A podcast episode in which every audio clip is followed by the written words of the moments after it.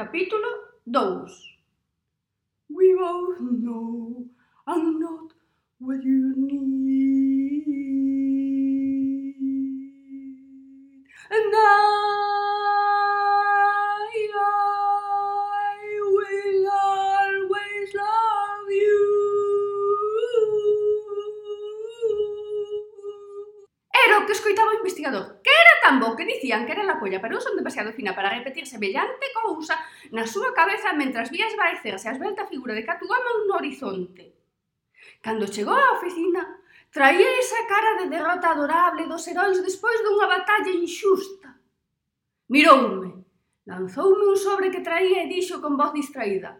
Traballa algo. Eu emocioneime toda. Por fin, por fin, o meu primeiro caso! que me interesaba máis polo feito de cotillear nas vidas alleas que por solucionarlle a vida a ninguén. Entrei no meu despacho, que non era o meu, que era de Crawford que emigrara a unha illa do Caribe mentres non se calmasen as cousas que a muller de George Clooney e poidesen vivir o seu amor libremente. Abrín o sobre. Dentro había unhas fotos dun home que a min persoalmente non me dicían nada. E de fondo da habitación sempre un bulto case imperceptible. Chamei a secretaria a ver se me botaba un cable. Celia entrou a modo, así se chamaba a secretaria, é que ás veces anda un pouco colgada. Coma se non vise a urxencia. Mirou as fotos e dixo coma se fose a cousa máis obvia do mundo. É o malvado doutor TCPIP. E seguiu. E este, sinalando o bulto que había ao fondo da habitación, É o doutor Sixel 650. Si, ó, oh, pensei eu. Esta cocolgada que andaba vía fantasmas. Ela insistiu. Dixo que o mellor sería chamar a señorita New Look para informala. Eu, como era nova no oficio, seguinlle a corrente, pero a min non me coordinaba moito. A señorita New Look chegou pronto, alterada, pero sen perder a súa natural compostura, dando Colliu as fotos, mirounas, case lle saltan as vaguas de emoción. Efectivamente, como dicía a colgada, perdón, quero dicir Celia, era o doutor Zixel 650. A señorita New Look tratou de non alterarse, pero a firmeza e seriedade da súa voz delataban o seu natural enfado. Dicía, como que se adicaron a facer fotos en lugar de rescatalo? Ela dixo con outras palabras porque ser Aínda vos é máis fina ca min. E a verdade é que tiña razón unha vez de estar ali.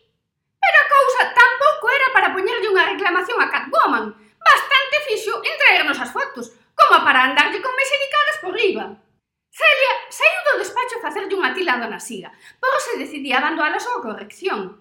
Non fixo falta. Sacou do bolso Aí acojonei un pouco, porque tiña pinta de ser un bolso deses nos que as señoritas sofisticadas agachan unha desas pistoliñas de prata mortais. Un cheque en branco. E ordeou ca mirada a vez que ca súa voz doce dicía Fagan todo o que sexa preciso. E marchou de novo, igual de estilosa que entrara, Eu non sabía por onde comezar. O investigador estaba fora de xogo. Decidín acudir a Celia de novo, xa que non se enganara ca identificación do doutor Zixel 650. Volveu mirar as fotos. É a fábrica abandonada da revoltosa. Dixo, tamén me contou que estaba na entrada do polígono da greve. Ali me plantei. Celia quedara en avisar a policía se non a chamaban unha hora. Calquera se fiaba dela co colgada que andaba. Entrei por un oco do portalón, que non era que fose moi grande, pero é que unha ten un tipazo. Dentro había de música de fondo os grandes éxitos dos 80, un ambiente un tanto bohemio e unha gran librería. Non había ningunha clase de laboratorio, pero que clase de doutor era este malvado doutor de CPIP? Tratei de situar todas as cousas que se vían na foto. E de súpeto, unha man na Dei a volta. Era el, inconfundible, igualiño que na foto. Mosqueoume a súa risiña malvada ao descubrirme e ver que casi me estaba saindo o corazón pola boca do susto. Era, por suposto, o malvado doutor TCPIP. Ainda que no trato era amable, eu non me fiaba nadiña, posto que aparte de ser o malvado malvadísimo doutor TCPIP, tiña secuestrado o despistado doutor Zixel 650, sabe Deus e a Virxe do Carme con que malvadas intencións desde había varios días. Indicoume que pasase a unha especie de salón onde estaba a gran biblioteca. Pasei, díxome que sentara nunha cómoda butaca e ofreciume unha infusión que rexeitei, por suposto, porque a saber que era aquilo. Daquela, Ofreciume un bocata de xamón con pan, aceite de oliva e tomate, ou un de calamares. Estábame provocando. Cando por fin aceptou as miñas negativas a todo, comezou a falar do tema que nos ocupaba. Todo comezou cunha inocente aposta. Sí, sí, pensaba eu. Seguiu falando. Entre invisible, di sinalando a non sei onde. E máis eu apostaran a ver quen era capaz de ler antes a versión ampliada dos episodios nacionais escritos de dereita a esquerda e facendo o pino. Según unha voz que fluía de non se sabe onde, ganara ela. E por iso, o malvado doutor TCPIP dicía que ganara el. Pero bueno, imos ver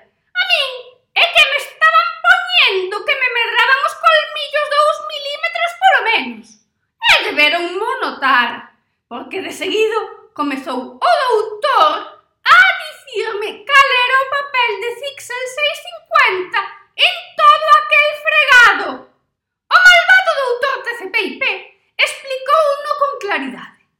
O ¡Oh, despistado doutor Zixel 650 era o que lle proporcionaba a invisible a súa pócima da visibilidade.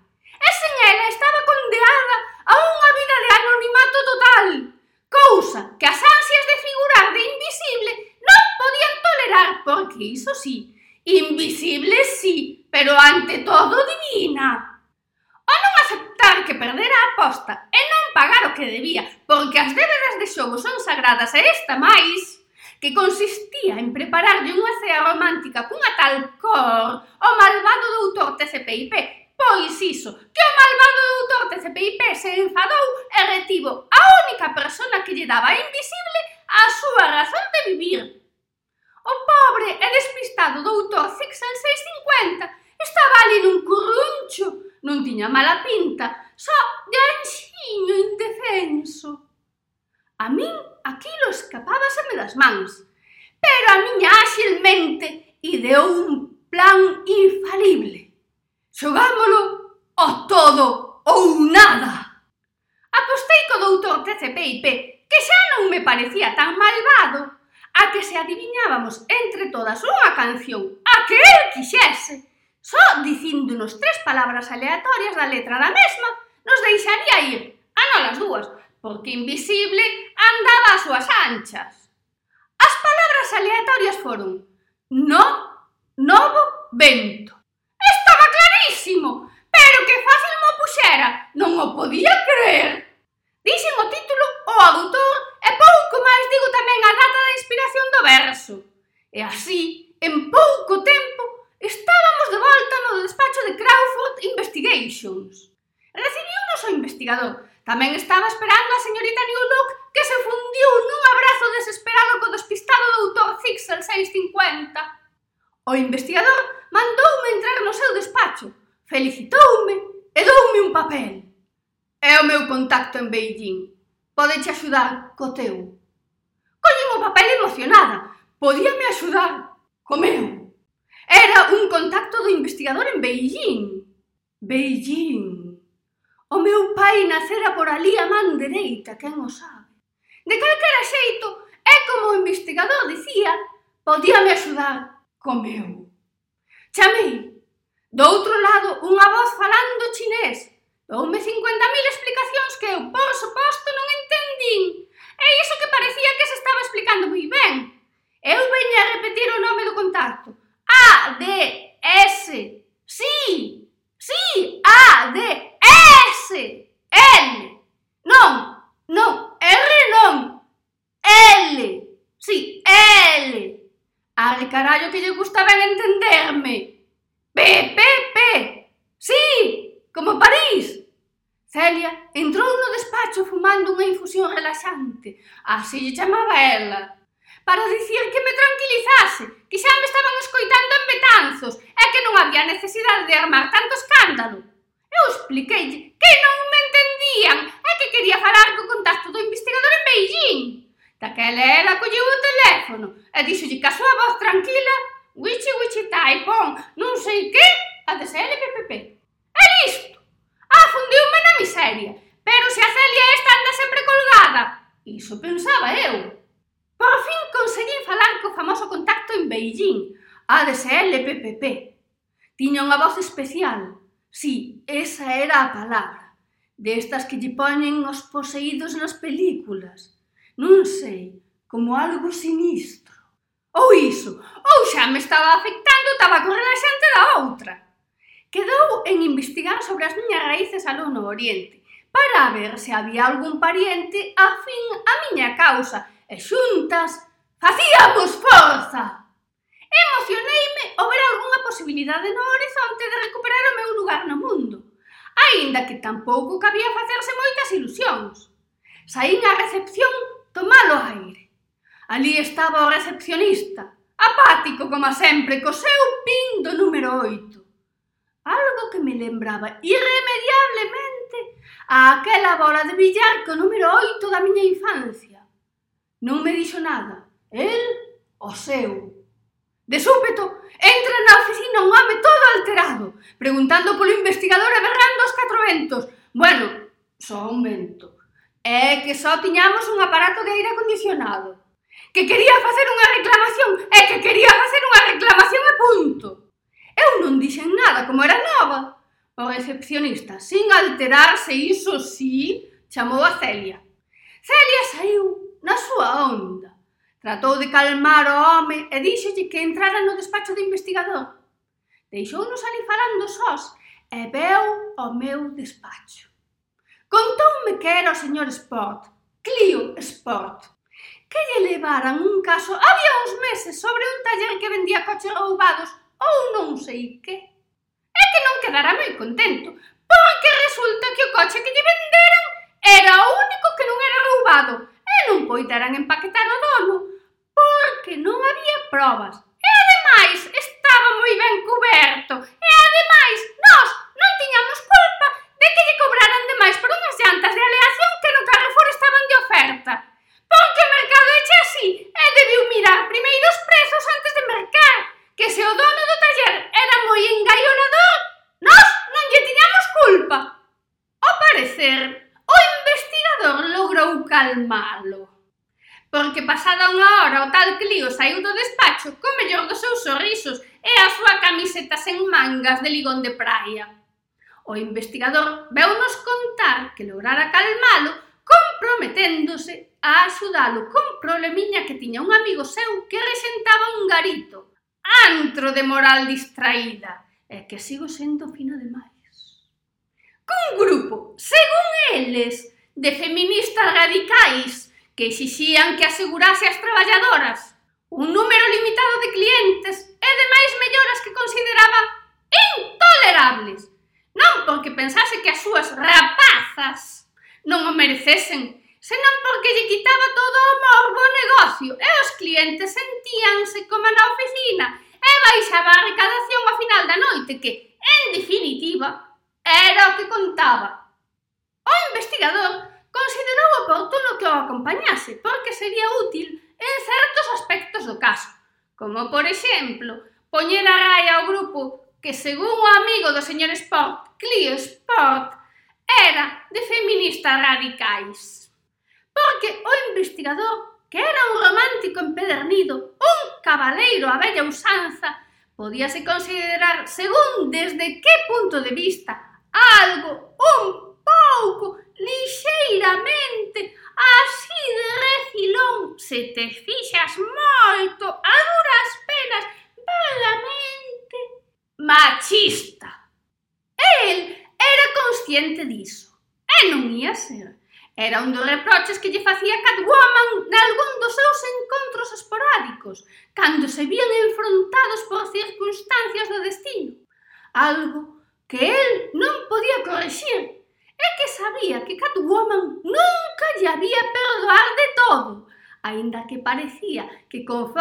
pasaba o tempo, xa o estaba aceptando tal como era. E aló fomos o investigador e máis eu, o garito, antro de moral distraída, que resentaba o amigo do tal Clio. Normalmente, para casos como este, acompañaría o Crawford, que para iso era a xefa e ademais feminista republicana de pro pero tivera que emigrar a unha illa do Caribe ata que as cousas ca muller de George Clooney se calmasen e poidesen vivir o seu amor libremente. Na entrada estaban posicionadas varias membros do grupo supostamente feminista radical. O investigador doume sinais de que me apañara con elas, no sentido de que tratase de resolver o conflicto, por suposto, mentras ele entraba a coñecer o dono do garito. Iso me dixo, fieime da súa palabra, Ainda que tendo en conta a natureza masculina e a natureza do antro, dubido que fose exactamente exacto. Ali non había lideresa. Todas mandaban e todas falaban. Afortunadamente, todas opinaban o mesmo, porque senón a ver que facía eu. Primeiro, falei cunha tal Windows XP, que tamén tivera que emigrar a unha illa do Caribe, pero non por problemas, perdón, incidencias, ca muller de ninguén, senón por puro vicio e perversión en xeral, porque se algo sabía Windows XP era o que valía a pena na vida, e desde logo como disfrutalo. Ela díxome que lonxe de diminuir o morbo da relación profesional-cliente, que as empregadas non estiveran tan saturadas, aumentaría na atención personalizada ao cliente, cousa que os faría quedar máis satisfeitos, e, por suposto, Caixa aumentaría a recadación ao final da noite, que era, en última instancia, o que importaba. Windows XP díxome que se quería outro punto de vista un pouco máis radical, me dirixise ao sector máis radical radical, o sector A. A min como que me dou un pouco de medo, pero tanto me animou a Windows XP que non sei se sería para sacarme de diante, para ligar cun garda de seguridade que estaba ali diante, que quitaba o sentido, que non sei. Porque ser sou moi mal pensada. Pero é o que deducín, porque tan pronto como se desfixo de min, a Aloia atacou. Porque, por suposto, unha muller liberada ataca a ela. Atacar atacaba eu. Pero é que non me esperan. É que me escapan. Eu, mentres, achegueime a portavoz do sector A, que me estaba mirando mal, pero mal, como averiguando as veces que cedera terreo a un home, facendo retroceder anos de loita feminista. A parte do que xa me dixera Windows XP, tamén me falou das medidas sociais, como de aseguralas, as revisións, etcétera piden de idem, repercutirían no alcance da éxtase dos clientes. Ao final, logrei ver un toque de tenrura tras a coraza de loitadora incansable. E que levaba unha pinza de cor rosa. Emocionoume. Convenceronme a verdade, porque mira así. E vou eu e entro no garito para ver como ían as negociacións co amigo de Clio. E vai a panorama que encontro. Os bandas estes, todos tirados nunha esquina da barra, agarrados a unha cervexa. Pero vamos, como lle puxen as pilas ao investigador, pero de inmediato. A que viñéramos, eh? A que? El dixo que estaba negociando, que tiña que poñerse ao nivel dos especimes para que se confiasen e alcanzar un entendemento.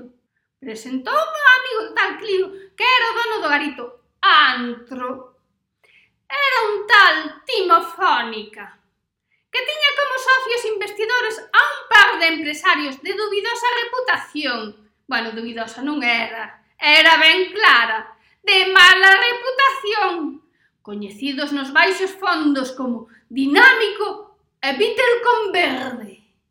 O primeiro pola rapidez ca que facía os desfalcos, e outro porque era capaz de matar a quen fose por un disco dos Beatles. O da cor aínda non o averiguei, pero estando onde estaba tirado non era difícil de adivinhar. Como me mosquei polo estado no que se encontraba o investigador, chamei ao despacho de Crawford Investigations. Colliume o recepcionista e díxenlle que me pasase con Celia.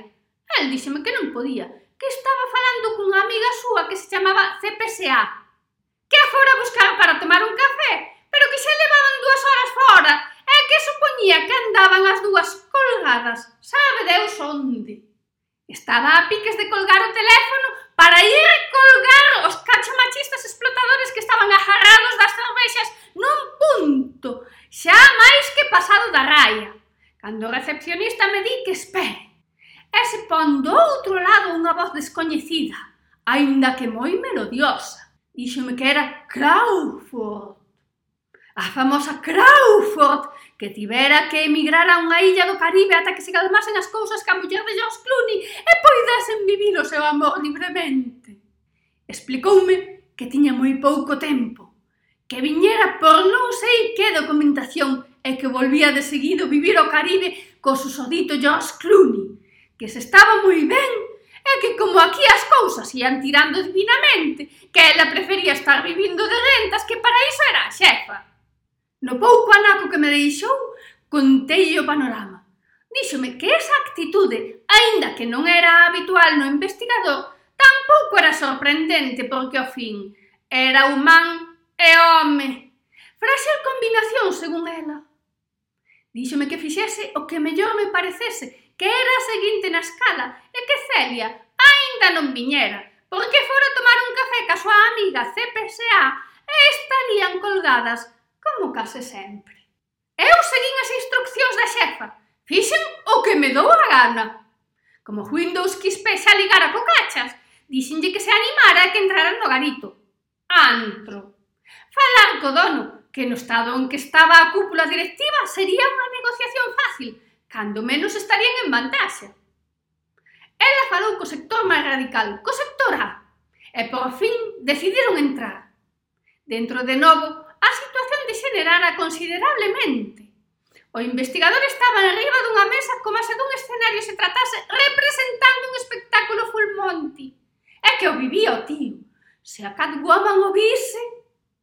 Incluso me pareciu ver a representante do sector A esbozar un sorriso pareciume asegurar o que se di asegurar non podo. Cando os decidida, achegouse a timofónica, que lle puxeran así porque antes tiña unha compañía de teléfonos eróticos e de futuro deses, é claro, notase que non deixaba moi contentos aos clientes. Eu diría que o home se emocionou algo, para min que pensou que ia ligar. Non sei que falaron a verdade. Despois, a representante do sector A tamén se achegou, El, que xa estaba un pelín pasado, pasou de dicir sempre que non con cara de mala hostia a dicir sempre que sí, con ese sorriso descolocado dos borrachuzas. Termo co que se chamaban os tipos estes entre sí. Eu sigo sendo fina, pero a fidelidade histórica manda. O Víctor Converde collera unha guitarra e estaba acurrucado nunha esquina acariñándoa como se fose unha moza cando dei convencido o investigador para que baixase da mesa e non quitase máis roupa da que lle permitía a decencia, as empregadas xa estaban celebrando o novo acordo co xefe. As supostas feministas radicais tamén se uniran á festa e agora resultaba bastante difícil discernir os bandos antes enfrontados. Cada quen que o entenda como mellor lle pareza. Pero aínda que o expresei moi finamente, como por preocuparme pola virtude do investigador perdera o momento do consenso e xa non había ninguén libre con quen consensuar, pois marchei. O investigador quedou ali con toda a camariña. Eu fun dormir, porque de vez en cando, e aínda que non o diga, eu durmo. Mais ben, mais cando que vez, pero tampouco ben iso ao caso.